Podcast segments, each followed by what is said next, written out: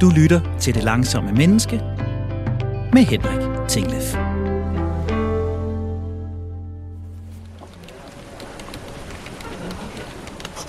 Jeg er der, Flux. Hey, øh, jeg rejser lige ned og henter det print der. 30 sekunder, 30 sekunder, så er jeg der. Øh, har du set min mail? Jeg skrev den for øh, 10 minutter siden. Du har det straks. Lige, lige i morgen tidlig. Sorry. Jeg har simpelthen ikke nået at svare. Er det sætningen, du kender? Kender du nogen af dem? Dem alle sammen. Og måske endda en hel masse flere. Jeg gør. Og jeg har helt sikkert brugt mindst tre af dem inden for de seneste 24 timer. Og jeg er ikke alene om det. Jeg hører dem hele tiden. Alle vegne. Når jeg møder en bekendt på gaden eller nede i supermarkedet og spørger, hvordan det går, så er svaret næsten altid, uh, der er godt nok nok at se til i øjeblikket. Og jeg kan egentlig godt forstå det. For hvem gider at være ham eller hende med al tid i verden? Hende, hvis telefon aldrig ringer. Ham, der altid bare kan, når de andre lige kan. Er de ikke lidt nogle tabere? Men hende der, den første CFO under 35, ham der er topkonsulent, semiprofessionel triatlet og far til tre, dem hylder vi. Ham, der aldrig har tid. Hende, der lige må gå ud og tage et opkald midt i middagen. Hende, der var den første, der fik en MBA på Stanford, mens hun var på barsel. Og ham, der aldrig holder ferie, fordi jeg har det bedst med at være på. De er seje. Eller er de? Hvorfor er vi mennesker så fascineret af fart? Hvorfor taler vi så meget om det? Skaber sproget farten, eller farten sproget? Og uanset hvad der kommer først, er det så sådan, det skal blive ved med at være? Nej vel? Det må vi kunne gøre bedre. Det må vi kunne gøre langsommere. Du lytter til Det Langsomme Menneske på Radio 4. Jeg hedder Henrik Tinglef, og jeg er din vært. Ikke bare i programmet her, men på rejsen mod, at du og jeg sammen kan blive langsommere, roligere, ja, bedre mennesker. Dagens emne er det langsomme menneske i det hurtige samfund. I det samfund, hvor speed is king, hvor en fyldt kalender giver prestige, og hvor jeg har tid nok, er en sætning, der siges nogenlunde lige så ofte som, jamen, selvfølgelig vil jeg gerne hjælpe dig med at flytte. Sammen med dagens gæster, der forsøger jeg at opklare, hvorfor hylder vi mennesker de hurtige, de første, de største? Er det en moderne syge, eller har det altid været sådan? Bliver vi hurtigere, når vi taler om at have travlt? Tror vi, at vi har mere travlt, når vi siger det? Og hvilke udtryk og vendinger skal vi langsomme mennesker afskaffe allerede i dag? Det er store spørgsmål, vi stiller, og derfor så har jeg også indkaldt forstærkning af den aller tungeste slags. Mette Højen, du er med på en linje ude fra Efterårslandet. Øh, varmt velkommen til, Mette. Tak skal du have. Og Søren Christian Krog, du sidder trygt og godt i studiet i Aarhus. Stort velkommen til dig. Tak for det. Mette, du er erhvervsretoriker, du er performance coach, og så er du forfatter til bogen, der hedder Erhvervsretorik, når tale er guld. Og det er jo så det, du skal bevise over for os den næste times tid af tale kan være. Og Søren, du er forsker og Ph.D.-stipendiat på øh, Institut for Politik og Samfund ved Aalborg Universitet, og så er du medforfatter til bogen, der hedder Præstationskultur. Og jeg ved, at der er ord nok i jer begge to, så vi kan jo lige så godt lægge hurtigt fra land, springe direkte ud i det, og der gjorde jeg det selv, lavede den der sætning med fart i, så jeg kan lige så godt fortsætte og sige med det. Jeg ordner det med det samme. Jeg løber hurtigt lige ned efter det. To minutter, så skal jeg være der. Klæder skaber folk, siger man. Kan sprog skabe travlhed? Kan sprog skabe kultur?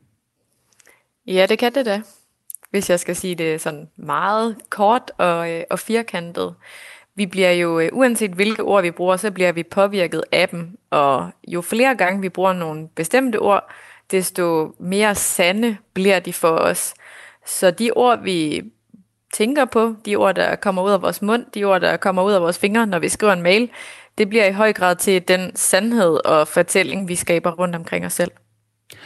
Så jo oftere jeg lige fluxordner, jo oftere jeg lige løber ned, jo mere hastighed sætter jeg også på mig selv og folk omkring mig.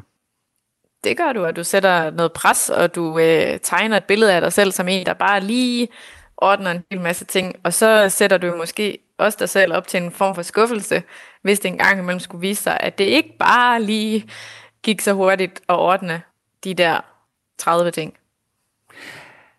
Søren, hvad er de her udtryk, de her begreber, hvad er dit udtryk for rent samfundsmæssigt? Altså, er, er, er du enig med Mette i, at de her hurtige vendinger er til at, med til at skubbe os i retning af et hurtigere samfund, eller er det samfundet, der nærmere skaber de vendinger? Hvordan ser det ud fra din stol? Jamen, øh, fra min stol som, øh, som sociolog, så tror jeg meget, at, øh, at man tænker samfundet som noget, vi både skaber i vores små hverdagsinteraktioner, hvad end det så er på arbejdspladsen, eller i fitnesscenteret, eller i sociale arrangementer. Men samtidig så er kultur også noget, der opstår i bredere samfundsmæssige tendenser, som vi, som vi oplever og på en eller anden måde hele tiden skal navigere efter. Øhm, så det, det er både noget, vi skaber i vores små interaktioner, men også noget, der ligesom kommer op fra på en eller anden måde, bliver presset lidt ned på os. Hvad er det, der kommer oppefra i, i tiden i dag? Altså, hvad er det, der bliver presset ned på os oppefra så? Altså, som, som jeg ser det så, øh, og som flere sociologer også har skrevet om inden for de her ting, det er, at, øh, at man kan se, at der for det første er, er, er voldsomt øh, accelererende hverdagsliv. Altså, vi skal nå mere og mere øh, på kortere og kortere tid helst.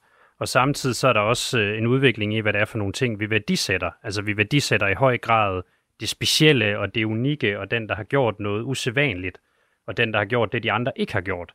Øhm, og samtidig skal man jo så helst gøre det så hurtigt som muligt. Og det er jo ikke kun noget, vi ser inden for arbejdspladser, det er også noget, vi ser, som du også lavede op til din intro, inden for, øh, øh, hvad hedder det, motion, eller inden for, hvad den bedst mulige forældre, eller hvad den bedste partner, eller, altså det, det er noget, der spreder sig i rigtig mange facetter af livets tilværelse.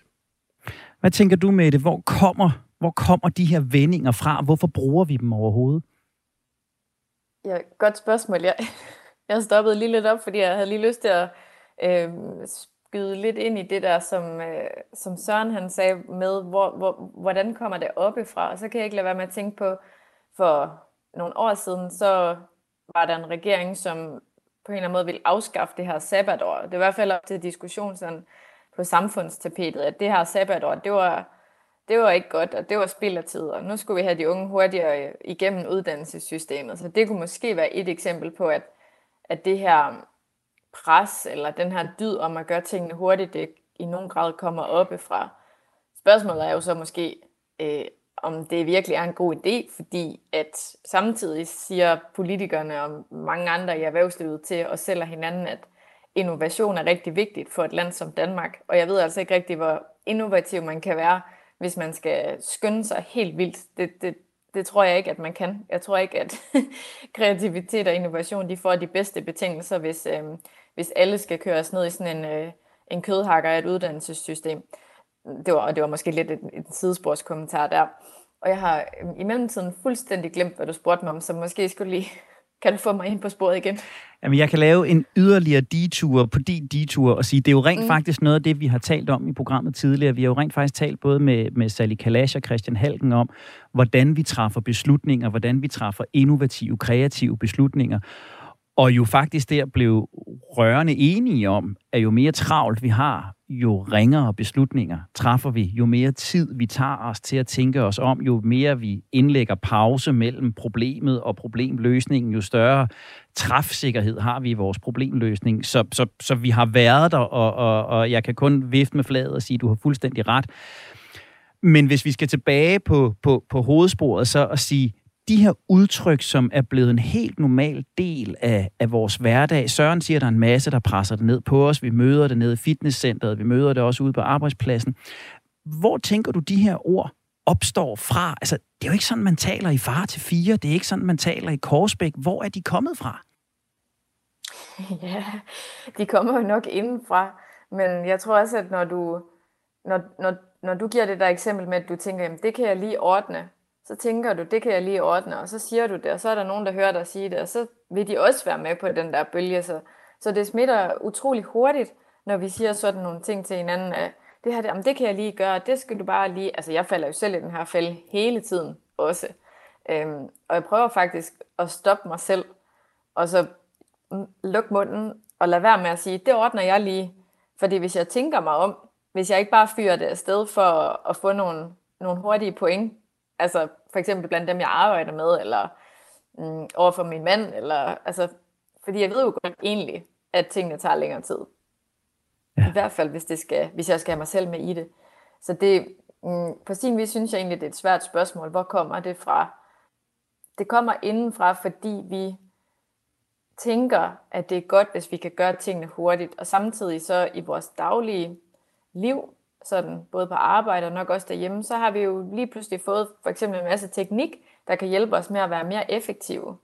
Så jeg tror også, at de der vendinger kan komme lidt ud af den her tendens og situation med, at vi kan være så effektive, og altså bare sådan et måske lidt skørt eksempel, øh, vi har fået sådan nogle lamper, der kan styres via telefonen derhjemme, fordi så kan man lige hurtigt slukke alle lamper, så behøver man ikke at gå rundt.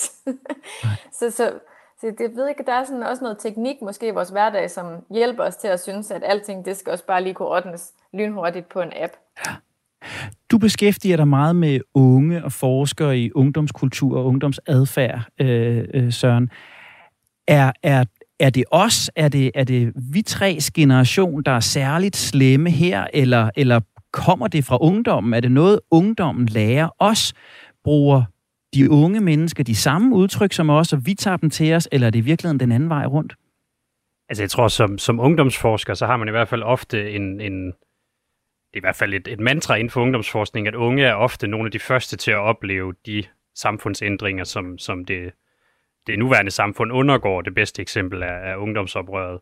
Men jeg tror, jeg vil sige, øhm, at, at det tager sig ud på andre måder i, i øh, blandt unge, så er det måske i højere grad Instagram, hvor man skal vise et eller andet perfekt billede til omverdenen af, at det hele spiller. Hvorimod, når man åbner øh, LinkedIn som et mere voksen menneske, så er der jo ikke nogen, der har haft en dårlig dag på arbejde på LinkedIn.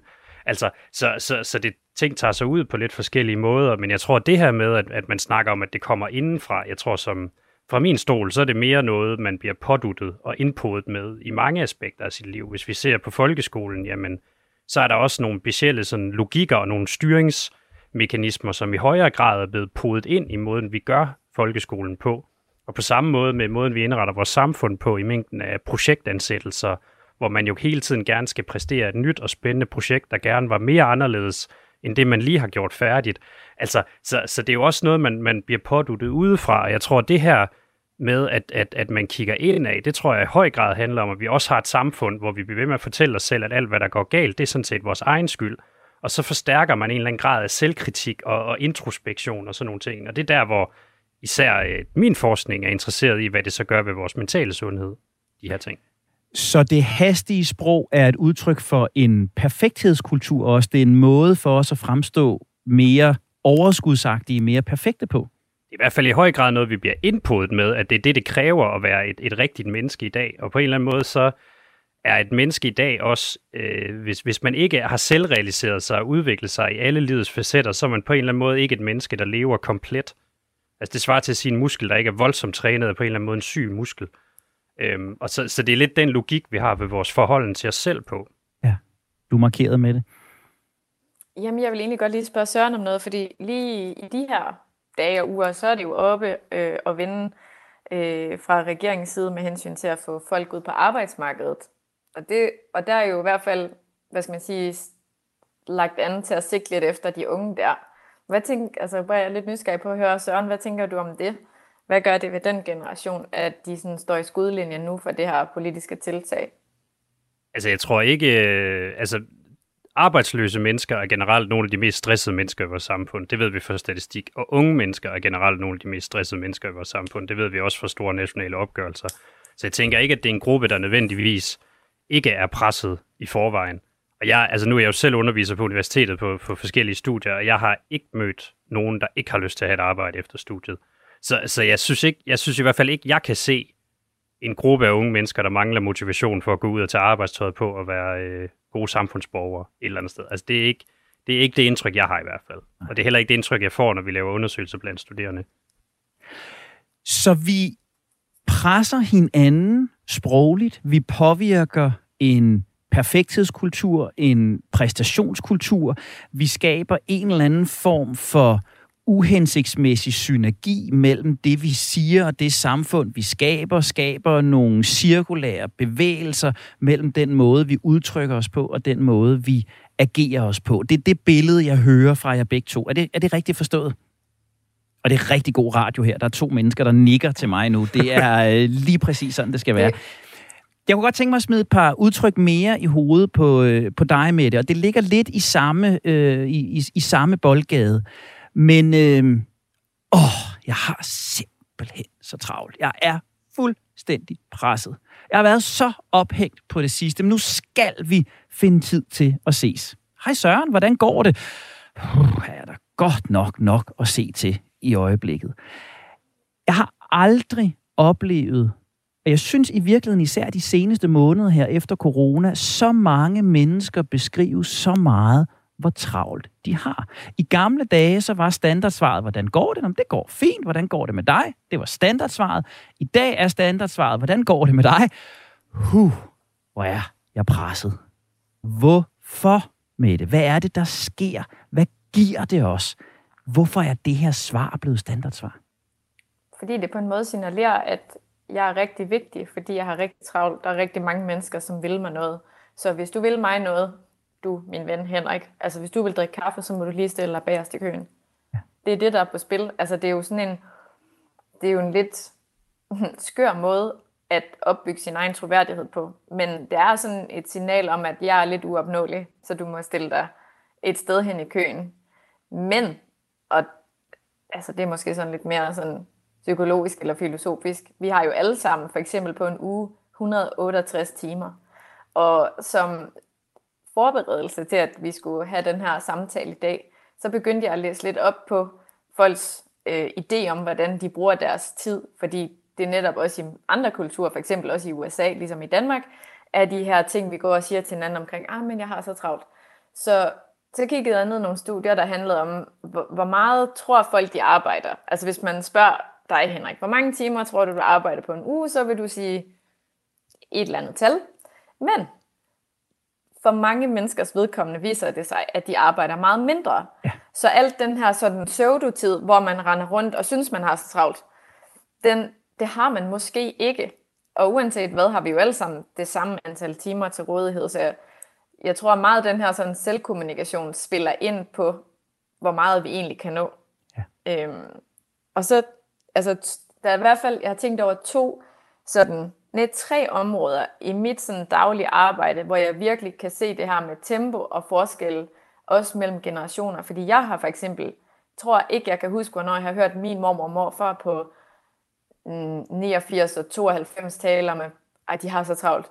Men altså, de har jo haft nok på deres tallerken med altså, arbejde i løbet af livet, og de har haft øh, deres eget firma og sådan nogle ting. Nå, men de tre ting, jeg har observeret, det er på folks taletempo, deres evner til at holde pauser, og så er der også ekstremt mange mennesker, jeg møder, som taler og afbryder sig selv midt i sætninger. Og især det her taletempo er jo en ydre afspejling af, at det kører på højtryk ind i hovedet. Og det er ikke særlig hensigtsmæssigt, øh, når man går hos, til træning hos mig. Fordi når man skal tale med nogen, er det jo vigtigt, at de både kan have lyst til at lytte til en, at de kan forstå, hvad man siger, og at man får folk ombord. Så der, derfor hjælper jeg ofte folk med både at sætte deres taletempo ned, så de bliver bedre talere og ledere, og så hjælper jeg især meget med at få nogle pauser ind i sproget. Og det, øhm, jamen, der er en åbenlyst risiko ved at holde nogle pauser, og det er, at der er nogen, der tager ordet ud af munden på en. Det vil vi måske ikke så gerne her. Det kan jo måske være en af grundene til, at vi skipper de der pauser. Men samtidig er det enormt rart at lytte til nogen, som har styr på de her strategiske pauser. Man kan jo for eksempel tænke på ens yndlingsoplæser, øh, hvis man hører nogle lydbøger, eller tænke tilbage til, da man var barn, hvem kunne man godt lide at høre på. Jeg har sådan Thomas Vinding, der altid sidder inde i mit baghoved, og øh, er rigtig god til at læse op og holde pauser. Og så det der med de afbrudte sætninger. For mig vidner det om, at det er svært at være i nuet, når vi kommunikerer. vi har så travlt med at sige det næste. Og så gør vi jo selv en kæmpe bjørnetjeneste, for det bliver bare noget rod, hvis man ikke får startet en sætning, kommer til pointen og afslutter den. Så, øhm, så der, er i hvert fald, der er i hvert fald nogle symptomer, ved at sige, i den måde folk de taler på, med hensyn til tempo, pauser og afbrudte sætninger. Men jeg tænker på, Søren, eller, eller, eller jeg, jeg retter den anden, den anden øh, ting, øh, jeg gerne... Jeg holder lige en pause. Dårligt eksempel. Men Søren, det Mette beskriver for os er, at vi forsøger at gøre os selv vigtige. Vi forsøger at gøre os selv prestigefulde ved at have den belastede kalender. Vi forsøger at sende et signal om, at du må stille dig bagerst i, i køen. Og det leder jo op til det her, jeg også indledte med, men, men som jo bare er en lommefilosofi for mig. Er det rigtigt, Søren? Lever vi virkelig i et samfund, der hylder de olympiske principper hurtigere, højere, stærkere? Er det her samfund, an, samfund anno 2021, er det den, der er først, den, der er hurtigst, den, der er størst, den, der er yngst, der opnår et eller andet? Er det dem, der er vores helte? Er det det, du ser i din forskning? Øh, nu vil jeg gerne lige starte med at sige, nu fik Mette mig til at tænke utrolig meget på, hvordan jeg selv taler nu. Så nu der er ingen af os, der, er ingen af os, der kan gennemføre nej, det her program nej, herfra, og jeg prøvede at lave en dårlig joke, der faldt nej, til jorden. Nej. Så alt, altså, Mette, du har... Men ja, det tager vi bagefter. Umanerligt kritisk over for mig selv lige pludselig. Nej, øhm, altså jeg vil sige, jeg tror... Noget... Prøv her, det, det skal I ikke være. Tag det roligt. altså jeg vil sige, noget, noget af den udvikling, som jeg ser... Øhm, tror jeg er, at, at hvis man går øh, tilpas, eller hvis man går, det ved jeg, 3-4 årtier tilbage, så var samfundet på en eller anden måde meget mere inddelt i top og bund på en eller anden måde, hvad angår sådan præstationer, hvor du, hvordan du positionerede dig godt, både sådan ressourcemæssigt og prestigemæssigt. Øh. Jeg siger, en udvikling, der er sket, det er, at vi måske i høj grad øh, hylder dem, der er bedst til noget, uanfægtet hvad det er. Så hvis du er kok, så skal du være den allerbedste kok. Altså, hvis du er CEO, så skal du være den allerbedste. Altså, så, så på en eller anden måde, så, så bliver det den der sådan mere sådan klassiske øh, klassetænkning i samfundets inddeling, bliver på en eller anden måde vendt lidt på hovedet, og bliver mere sådan, øh, at lige meget hvad du beskæftiger dig med, så er det bare væsentligt, at du er den bedste, og det er i høj grad dem, vi også hylder, tænker jeg. Så der er, der er en, en, en, hvad skal vi kalde det, der bliver en højere grad af konkurrence på den måde, at uanset hvilken bane jeg træder ind på, så skal jeg være den bedste på den bane. Ja, præcis, og det tror jeg, det er noget af det, som altså, hvad hedder det, med Anders Petersen øh, og jeg skriver i vores bog, Præstationskultur blandt andet, er, at, at de ligesom sådan konkurrencelogikker, vi eksempelvis kender fra sportens verden, har i høj grad øh, kommet ud af sine barriere og så spredt sig til rigtig mange facetter af vores liv. Og hvis vi vender tilbage til noget det, vi talte om før, så tror jeg også, at, at det også gør, at vi møder verden som sådan en hel masse aggressionspunkter. Uh, jeg skal nå at læse den her bog, jeg skal nå at gøre sådan og sådan og sådan hele tiden, så, så vi får sådan et meget kontrollerende forhold til verden. Um, og så tror jeg, der er mange, der vil opleve, i hvert fald også når man beskriver interviews og sådan nogle ting, når man, når man er ude og tale med både unge og at det er så primært dem, jeg beskæftiger mig med, jamen så oplever jeg, at jeg skal løbe utrolig hurtigt for bare at være stabile. Ja. Altså det, man kunne kalde dynamisk stabilisering. Ja. Og fordi ting går så stærkt, så bliver det, du gjorde i går, hurtigere lige meget for det, du gør i dag. Altså, jeg talte blandt andet med en, det er en, det er en syvende klasse, der siger til mig, at jeg var ikke lige på Instagram i 14 dage, så mistede jeg 80 følgere. Altså, det er jo et tegn på, at man så kontinuerligt skal præstere for at beholde sin plads et eller andet sted. Ikke? Så, så, så det bliver meget sådan en dynamisk stabilisering, hvor at du skal være i bevægelse for at være på et stabilt plan et eller andet sted. Og jeg kan ikke lade være med at tænke, når du siger det her, og du, du siger det her med, at lige meget hvilken bane vi går ind på, vi, skal vi være den bedste, og du siger noget med, at sportens dynamikker er trådt ind på, på mange områder. Mette, jeg tænker også, at vi ikke også begyndt at bruge flere sportsmetaforer og sportssprog. Altså, jeg siger det jo også nu, hvilken bane jeg træder ind på. Vi taler om, at vi kæmper. Vi taler om, at vi løber stærkt. Vi taler om, at vi skal vinde en ordre. Vi øh, ranker, og vi øh, udnævner, og vi kravler op ad stigen. Og, altså, er der ikke også, er det bare en lommefilosofi, jeg trækker op her, eller men er der ikke også et sportssprog, øh, et, et konkurrencesprog, der har snedet sig ind i hverdagen? Jo, jo. Altså, det kan man jo ikke se i radioen, men jeg sidder og, og sådan, hvad skal vi sige, smiler lidt, og, og sådan kan virkelig genkende de her metaforer, som det jo er, så når man trækker nogle sproglige billeder fra et andet område, så bliver det til en metafor, altså et billede på det, vi gør. Øhm, og grunden til, at jeg sådan mm, griner lidt, hvis man kan sige det på den måde, eller smiler i hvert fald, det er fordi, at de bliver jo brugt så meget, især de her fodboldmetaforer, og de bliver brugt så meget, at de faktisk er henne i den afdeling, der hedder døde metaforer. Så når de bliver brugt af os i flæng hele tiden, så ser man næsten ikke længere den her fodboldbane eller håndboldbane. Man fordi det er bare brugt så meget. Så, så, det, så vi er rigtig, rigtig vant til at høre de her sportsmetaforer i, i sådan det hverdagslivet og på arbejdet. Så jo, altså, mm, man kan sige, det der med sport, altså der er jo sådan en, nu skal man gå ind, og så skal man gøre en meget koncentreret indsats, og så er det tab eller vind. Altså det er jo sådan måske essensen af en form for konkurrence i sport. Men det er jo ikke ret mange mennesker, som i deres daglige arbejde har det på præcis den måde, altså ud over sportsudøvere. Så man kan sige, altså sportsøvere, de træner jo op til ting i ekstremt lang tid, og så har de de her punkter, hvor det piker. Så derfor kan de jo håndtere dem. Det kan godt være, at det er lidt uhensigtsmæssigt for andre at tænke på den måde. Du har stillet ind på Radio 4. Programmet, du lytter til, er det langsomme menneske. Vi er dem, der hjælper både dig og mig med at sætte tempoet ned. Ikke bare for os selv, men også i verden omkring os. Mit navn er Henrik Tinglef, og godt guidet af erhvervsretoriker Mette Højen og samfundsforsker Søren Christian Krog, der bliver du og jeg sammen klogere på det hastige sprog, det hurtige samfund, og hvordan vi langsomme mennesker en spe navigerer i det.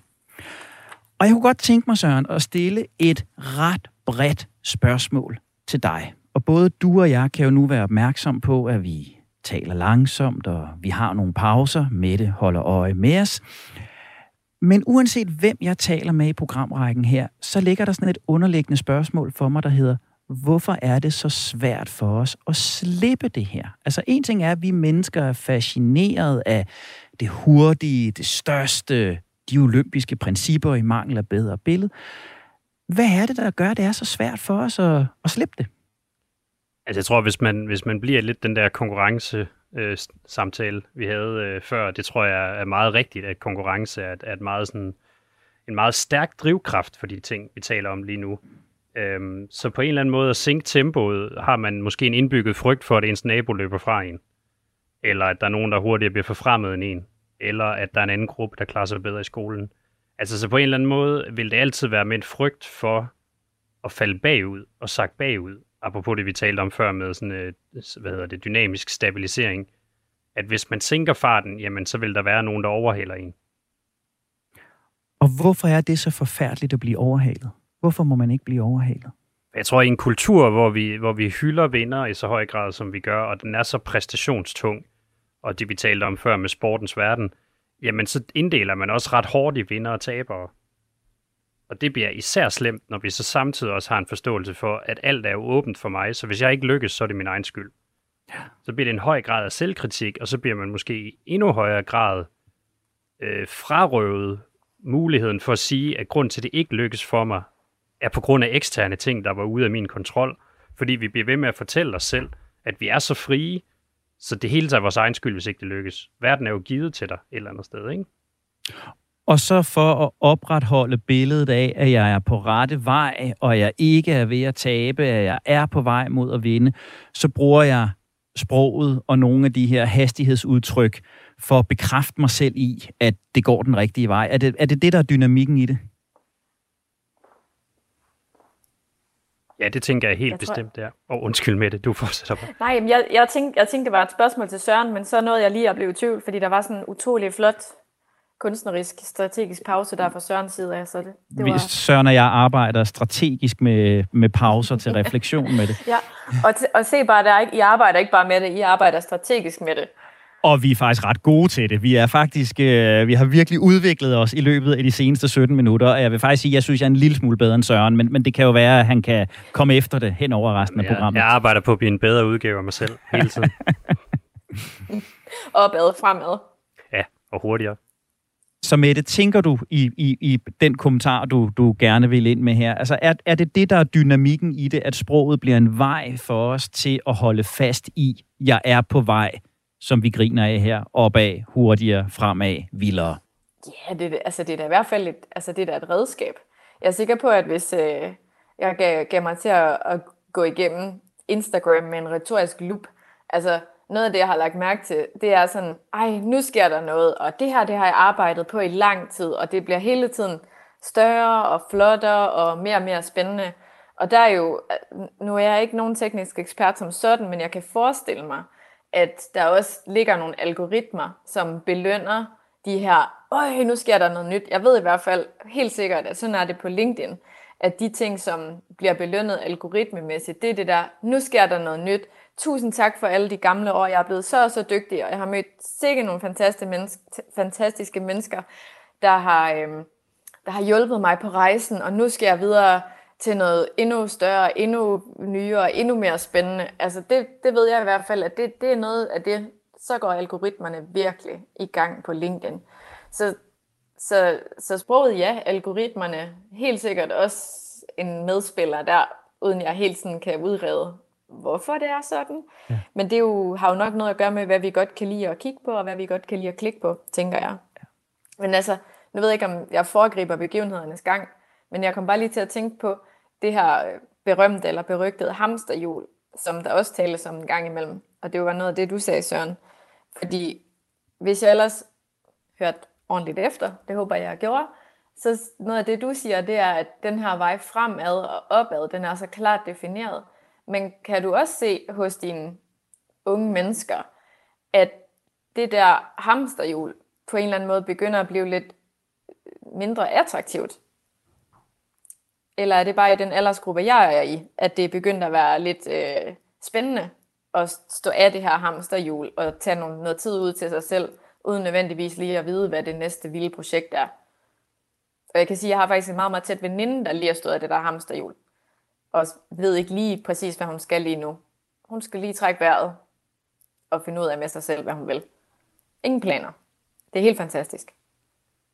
Altså, der, der tænker jeg sådan noget som sabbatår er et klassisk eksempel på unge mennesker, der, der trækker stikket. Øhm, men jeg tror, at jeg, jeg, jeg tror på en eller anden måde, noget af det, der også er sket blandt ungdommen, og især ungdommen, når de bliver øh, lidt ældre end sådan folkeskolealderen, og noget af det, jeg måske især oplever øhm, på, på, på universitetet, blandt universitetsstuderende, det er, at, at sådan ren fritid kan let blive opfattet som spildtid.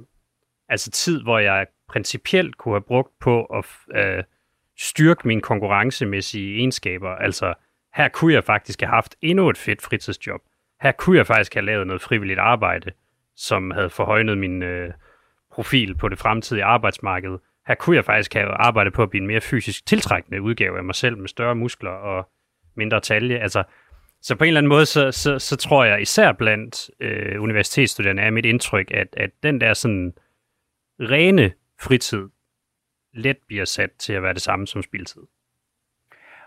Og så tænker jeg også, det vi oplever, og det som vi også beskæftiger os med i programrækken her, er, at så bliver det meget ofte en, en sort-hvid ting. Altså enten så bliver det, at vi, vi fylder al fritid, al ekstra tid med det karrierefremmende, det kompetencefremmende, det fysisk fremmende, eller også så hopper vi helt ud af hamsterhjulet og bliver, som jeg plejer at sige, biodynamiske gardnere på Bornholm, Øh, og så får vi den der artikel på bagsiden af Berlingske Business med en gang var han succesfuld øh, konsulent, så fandt han ind til de virkelige værdier, nu dyrker han biodynamiske gulerødder øh, og, og mærker jorden med fingrene. Og det, der alt andet lige må være målet, det der er målet for det langsomme menneske, det der er målet for programrækken her, det er jo netop at sige, vi skal finde niveauet, vi skal finde balancen i den helt almindelige hverdag for os, helt almindelige mennesker, der skal kunne have et helt almindeligt arbejdsliv, et helt almindeligt fritidsliv og familieliv på en måde, hvor vi hænger sammen. Og en af de ting, jeg godt lige kunne tænke mig at præsentere jer for, inden vi snakker lidt om, hvordan vi bryder ud af det her, det var bare sådan en, en lille sjov ting, som, som øh, jeg fik lyst til at tælle op. Jeg sad og talte i min øh, indbakke øh, forleden dag, bortset fra de der 27, der var, øh, var kommet fra Mette om øh, lydbøger, jeg skulle høre og alt muligt andet, så talte jeg, at øh, ud af de sidste 25 e-mails, jeg havde fået, der var syv, der startede med en eller anden form for undskyldning for svartid. Og der var altså ingen af de e-mails, der startede sådan, der havde ligget mere end to arbejdsdage. Beklager den lange svartid. Undskyld, jeg ikke har svaret, men jeg har været så hængt op. Og jeg nåede ikke lige at sende dig det her forleden. Sorry, og den slags. Mm. Bare en kort refleksion fra jer begge to med din faglighed med det. Hvad tænker du, når du hører så noget her? Altså hver tredje e-mail i min indbakke starter med en undskyldning for svartid. Ja, men det er jo en frygtelig pest at bringe ind over sig selv og skrive den der sætning. Fordi det eneste, der sker ved det, det er, at man Øh, diminuerer sig selv, altså man gør sig selv mindre, og at man gør sig dårligere, end man egentlig er. Øh, jeg opdagede den der unåd hos mig selv for et par år siden, og så tænkte jeg simpelthen, jeg gider ikke at være sådan et menneske, der render rundt og undskylder for mig selv. Så nu er jeg bare holdt op med at skrive undskyld, det tog så længe. Og så i de aller, aller fleste tilfælde, hvis der er et eller andet, hvor nogen synes, okay, nu er det på tide, nu er det på tide med, at hun vender tilbage på det her, så skal de nok skrive til mig. Og så skal jeg selvfølgelig nok skynde mig, og skynde mig at få det sendt, ikke, i kursøjen. Øhm, men jeg gider ikke at være sådan et menneske, der render rundt og undskylder for mig selv, for jeg tror ikke, at jeg bliver gladere af det. Så jeg har holdt op med at skrive undskyld. Altså mindre der er en fuldstændig, virkelig klokkeklar, god anledning til, at jeg har lavet en eller anden fejl, eller at jeg har overskrevet en aftale. Naturligvis. Det var ikke en kort kommentar, men det er, det er relevant input. Hvad, hvad tænker du? Ser din indbakke lige sådan ud, Søren? Og hvad, hvad tænker du om, at øh, min og til synligheden også Mette ser, ser sådan ud med jævne mellemrum? Det gør min også. Altså, jeg tror også, øh, jeg kunne tælle, øh, hvis ikke lige så mange, så i hvert fald høj grad af, højt antal af, af mails, der også starter med undskyld det sene svar. Altså, jeg tror igen, det er sådan et billedet på, på øh, altså et, et, et godt eksempel på det, vi taler om. Øh, at man jo netop på en eller anden måde også forsøger at vise, at jeg har også respekt for, at du også er et travlt menneske på en eller anden måde. Øhm, så, så jeg tror egentlig, det er sådan en, det er næsten sådan en høflighedsting, tror jeg, lige så høj grad, som det er, øh, som, som det er, er, er billedet på alt muligt andet. Altså jeg tror, det er sådan noget, jeg er et travlt menneske, du er et travlt menneske, vi forstår måske begge to, vi er travle mennesker, og det starter jeg lige med at gøre klart. Øhm, jeg tror, jeg lige så høj grad, det er et billede på det du er et godt nordjysk menneske, Søren. Fordi jeg skal ærligt indrømme, at jeg kan nogle gange faktisk godt, godt få det omvendt. Hvis jeg får... Jeg fik en sms fra en, en journalist forleden dag, der skulle lave et interview, som starter med at sige, åh, undskyld, jeg ikke lige har fået sendt dig noget. Jeg har simpelthen været så ophængt. Og min tanke var, okay, så er jeg heller ikke vigtigere. Hvor velforberedt er du så rent faktisk? Hvor lidt betyder jeg i virkeligheden for dig? Så, så det fik i virkeligheden mig til at tænke over mine egne beklagelsesvar udadtil. Hvad, hvad gør vi egentlig ved modtageren, hvis vi indikerer vores egen travlhed? Er der, er der noget retorisk, er der noget sprogteknisk i det med det? Altså, hvad, hvad gør jeg ved modtageren, når jeg indikerer, at jeg har været så travl, at jeg ikke har fået svaret vedkommende? Ja, men ah, det, det kommer meget ind på situationen, for lige at indlede øh, med sådan akademisk rygdækning på en eller anden måde. Så, så nogle gange, som Søren siger, så kan det sagtens være den her Øh, velviljemarkør, vil man kalde det på sådan lidt øh, måske tørt retoriksprog, men altså at man har en utrolig stor velvilje over for den anden, og vil gerne den anden det rigtig godt. Så, så det kan sagtens være en del af det. Men en af de overvejelser, jeg havde, da jeg bestemte mig for, at jeg ikke ville skrive beklager, undskyld osv. hele tiden i hvert fald, det var, at det, det henleder jo modtagerens opmærksomhed på, altså det er jo noget med, at man på en eller anden måde tegner et billede, eller skaber en eller anden form for troværdighed omkring sig selv. Og hvis mange af ens mails, de starter med, ej, det må du undskylde, eller jeg er også så dårlig, eller jeg er også så langsom. Så uanset hvor stjernedygtig man er, så kan modtageren jo komme til at måske tvivle lidt, eller sætte lidt spørgsmålstegn ved det. Fordi, altså, du er rigtig dygtig. Hvorfor siger du hele tiden undskyld? Okay, måske er du ikke så dygtig endda.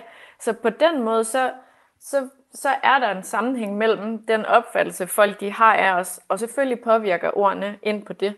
Øhm, hvis vi har et par sekunder til en, en lille side øh, øh, anekdote, så de, i forhold til vores allesammens troværdighed, altså det med at være troværdig, det er ikke noget, vi selv bestemmer. Det er jo noget, som andre de bedømmer, ud fra hvordan vi, hvad vores øh, handlinger er, og hvordan vi kommunikerer. Og der er sådan basalt set tre ting, der gør sig gældende. En ting er, at man er fagligt dygtig, det vil altså sige, at man har styr på sit fagområde. Den anden ting er, at man er et godt menneske. Ja, det lyder super banalt, men det der med at have nogle gode værdier og en god moral, det er faktisk rigtig vigtigt.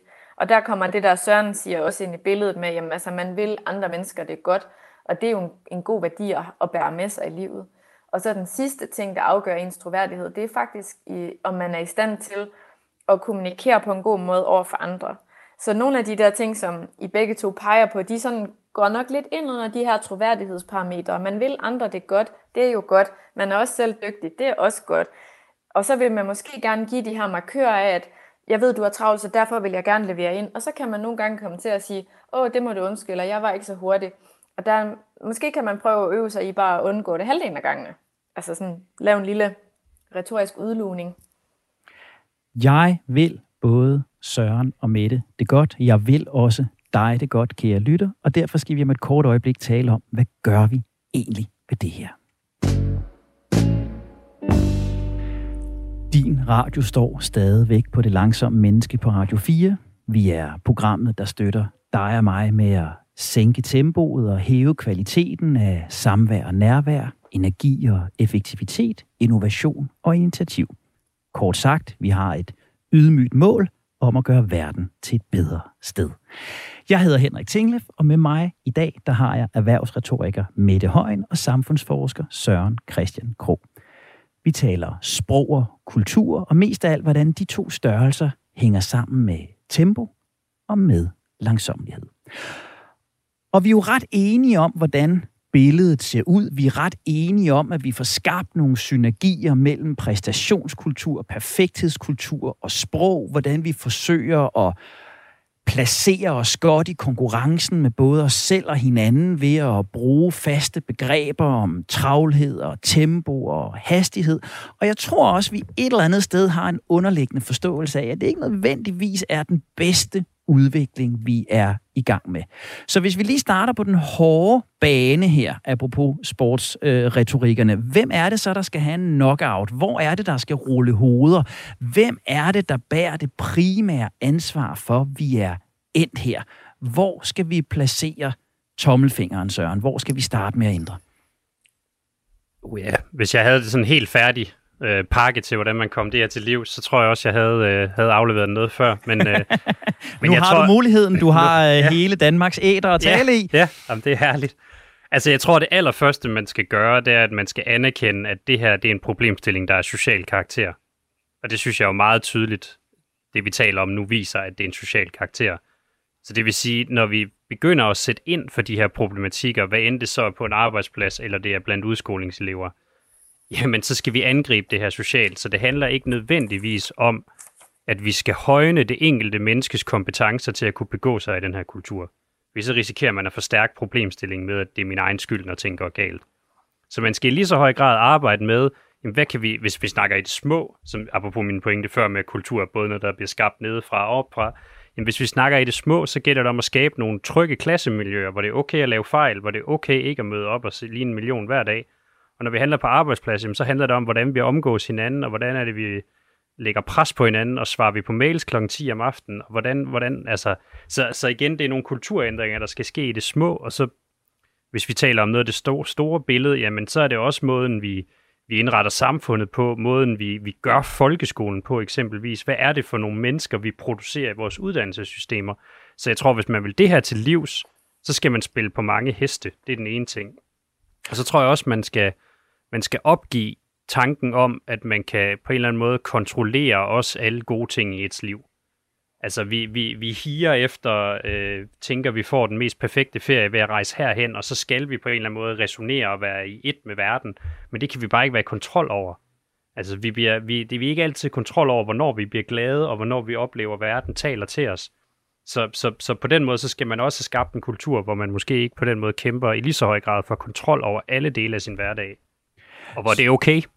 Så når vi i vores manifest for det langsomme menneske, som vi formulerede hen over sommeren med, med vores 10 første gæster, blandt andet har en sætning stående om at være bevidst uambitiøs, så taler du i virkeligheden både ind i den, men jo i virkeligheden også ind i bevidst uperfekt. Altså når vi er helt nede og taler om, hvad er det, hvad er det for noget tøj, øh, vi går i, hvor, i hvor, hvor godt forberedt øh, er det, vi er. Altså der kan jeg sige, at Andreas ude i regien er ret godt kørende på det. Altså der er virkelig skruet ned både for påklædning og forberedelse, men, men, men for mange af os øh, kunne det måske være altså, helt lavpraktiske ting i hverdagen at være bevidst uperfekte. Er det, er det det, der er budskabet?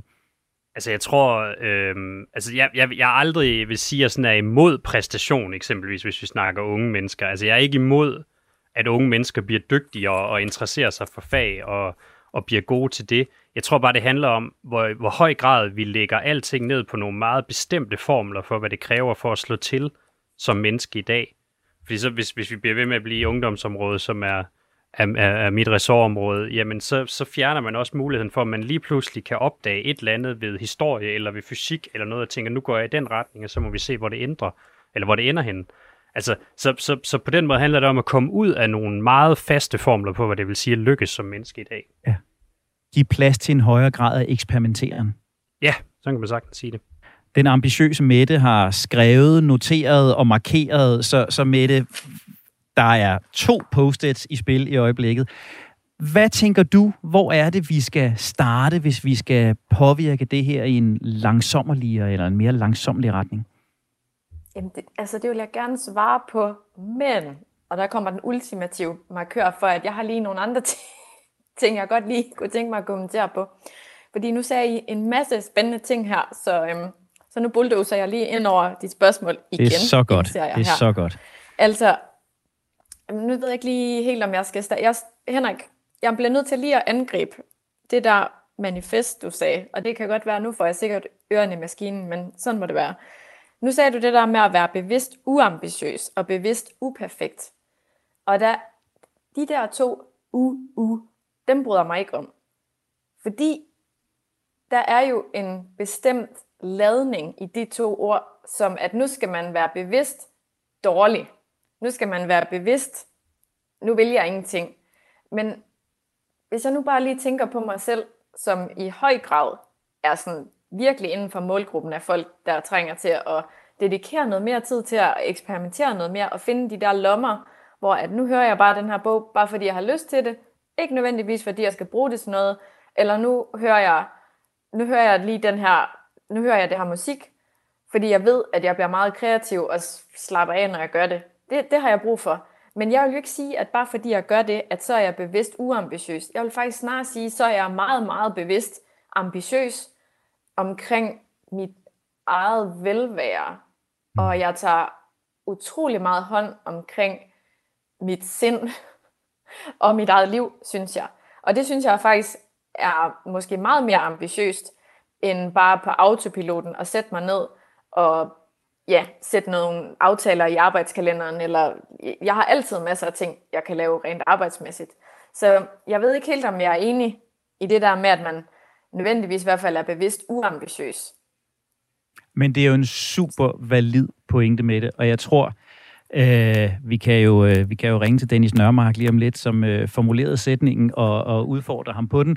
Men, men jeg tænker, det du beskriver, er jeg jo fuldstændig enig i. Det handler jo om, hvor vi ligger ambitionerne. I bevidst uambitiøs ligger der måske en antagelse om, at jeg ikke nødvendigvis behøver at gå til alt mit arbejde, alt der er arbejdsrelateret, men netop et formål om at blive nummer et. Så i virkeligheden kunne jeg erstatte bevidst uambitiøst med bevidst balanceret. Netop for at give pladsen til at være bevidst ambitiøs på nogle områder, som er sunde og gode for mig. Så det er, også, det er nok også noget med, hvor bruger vi det negative, eller negationerne, eller hvad så noget hedder i, i, i den, den, den rigtige retoriske verden. Men jeg er fuldstændig enig. Det er et spørgsmål om, hvor ligger vi vores engagement, og vi skal flytte det fra, det altid er det, der er det nemme og det nærmeste i forhold til de arbejdsopgaver, der ligger på bordet, og måske i virkeligheden noget, der er sundere for os selv og vores nærmeste. Ja, helt sikkert. Øhm, og det, der er bare den der, altså der er jo noget man, meget lavpraktisk, man kan holde øje med med sproget, ikke? Altså hvad, hvilke følelser knytter der sig til et ord ambitiøs, det er ligesom, så er man stærk og, mm, og fremad, og uh, nu sker der noget. Men uambitiøs, det er bare, det lyder virkelig, virkelig fæsent. Så hvem vil være det? Det er en valid pointe. Diskutere, altså så kan vi måske diskutere om, øh, ja, vi kan, jeg, skal lige, jeg skal lige tænke lidt over, om der kunne være et godt sådan, sprogligt alternativ, men uh, vi i bund og grund er vi ikke uenige. Så, uh, det er godt. Ja. Vi begynder desværre at nærme os, og det er jo det, der sker i det her program, som øh, er hyldelsen til langsomligheden, hyldelsen til den gode tid, så begynder vi at nærme os afslutningen på selv 55 minutter, og det har det altså med at ske i, øh, i, i foruroligende godt selskab, og det har vi i den grad været i dag. Derfor så skal jeg nu trykke på en knap, som lyder sådan her. Det langsomme menneske præsenterer dagens slow hacks. Og det, jeg gerne vil bruge de sidste 2-3 minutter på, det er at bede jer om at opsummere jeres budskab omkring det langsomme menneske i det hurtige samfund, det langsomme menneske spændt ud mod, mellem konkurrencemetaforer og højhastighedssprog. Konkretisere det gode råd, som vi hver især kan begynde at gøre allerede nu. Vi ændrer ikke kulturen i folkeskolen i morgen. Vi ændrer ikke de konkurrenceparametre, der er på uddannelsesinstitutionerne eller de budskaber, politikerne sender. Men Søren, hvis du skal give et konkret råd til mig og til lytterne, vi kan tage med herfra i dag, for at tøjle vores sprog i præstationssamfundet, hvordan skal det så lyde? Så bliver det lidt et, et råd, der ligger i, i halen på det, som, øh, som Mette sagde, så tror jeg, at man skal fokusere mindre på sin egen psyke. Fordi psyke bliver så tit noget, vi kommer til at se på som noget funktionelt. Nu skal jeg gøre sådan her, så min psyke bliver mere funktionel i forskellige, altså forskellige sammenhænge. Det tror jeg så let sker i dag. Så jeg tror, sådan et meget lavpraktisk råd, så begynd til noget, du synes, der er sjovt, uden at tænke så meget over, hvorfor. Og uden at tænke over, hvorvidt det er noget, der gør dig bedre på din arbejdsplads, eller noget, der gør dig en bedre partner for din kæreste, eller hvad nu end det må være. Gør noget, bare fordi det er sjovt, ikke nødvendigvis fordi det gør dig bedre, ikke nødvendigvis fordi det fremmer din karriere. Det er et godt slow hack. Mette, hvordan vil du opsummere dit grundlæggende retoriske budskab til mig og alle de andre derude, der kæmper med at undskylde for, at vi har haft for travlt og har det med at sige, at vi flux lige fikser? Tag en dag og øh, bestem dig for, at den her dag, så vil du øh, notere ned på en lille post-it eller en blog eller din telefon, hver gang der flyver ord ud af munden på dig, der handler om undskyld, travlt, jeg nåede det ikke, jeg gør det hurtigt. Alle de der gode ting, du sagde i starten, som indikerer, at man er travlt, og det er også for dårligt, og nu skal man skynde sig, og man er også på vej videre, og jeg er faktisk også den bedste. Alle de der ord der, prøv at bruge en dag på at notere dem ned, og så se, hvor mange gange det sker. Det, øh, det er en øjenåbner for de fleste, og den er virkelig effektiv. Og vi har jo også tidligere i programmet konstateret, at opmærksomhed langt, vej, langt hen ad vejen er nøglen til succes, og det her er en opmærksomhed på vores retorik. Mit slow hack, og jeg har snydt i dag, for jeg har faktisk øvet mig i den forgangne uge. Jeg er begyndt at erstatte mine undskyldninger for mit sene svar med et tak for din tålmodighed. Så i stedet for at skrive undskyld, jeg ikke har fået svaret, er jeg begyndt at skrive tak for din tålmodighed. Det er mit slowhack med udgangspunkt i samtalen med Søren og Mette. Ikke flere ord i denne her kulturelle kontekst. Søren Christian Krog, forsker og Ph.D.-stipendiat ved Institut for Politik og Samfund på Aalborg Universitet, medforfatter til bogen Præstationskultur. Tak, fordi du vil medvirke. Mette Højen, erhvervsretoriker og performance coach, forfatter til bogens Erhvervsretorik, når tale er guld, og ikke at forglemme Mette, trompetist også. Tak for dine bidrag til programmet i dag. Jeg deler som altid dagens slowhacks under hashtag slowhack og hashtag det langsomme menneske på sociale medier. Hvis du har input, kommentarer eller interessante vinkler på langsomlighed, vi skal kigge nærmere på i programmet her, så kan du altid skrive direkte til redaktionen på langsom radio4.dk, og du behøver ikke at undskylde, hvis du synes, du har været længe om at skrive. Programmet her er produceret af Only Human Media. Tak, fordi du har investeret både din tid og din opmærksomhed i os. Jeg hedder Henrik Tinglef, og med tungen i rette folder og en fascination af slow motion, der fortsætter jeg nu møjsommeligt missionen om at blive det langsomme menneske.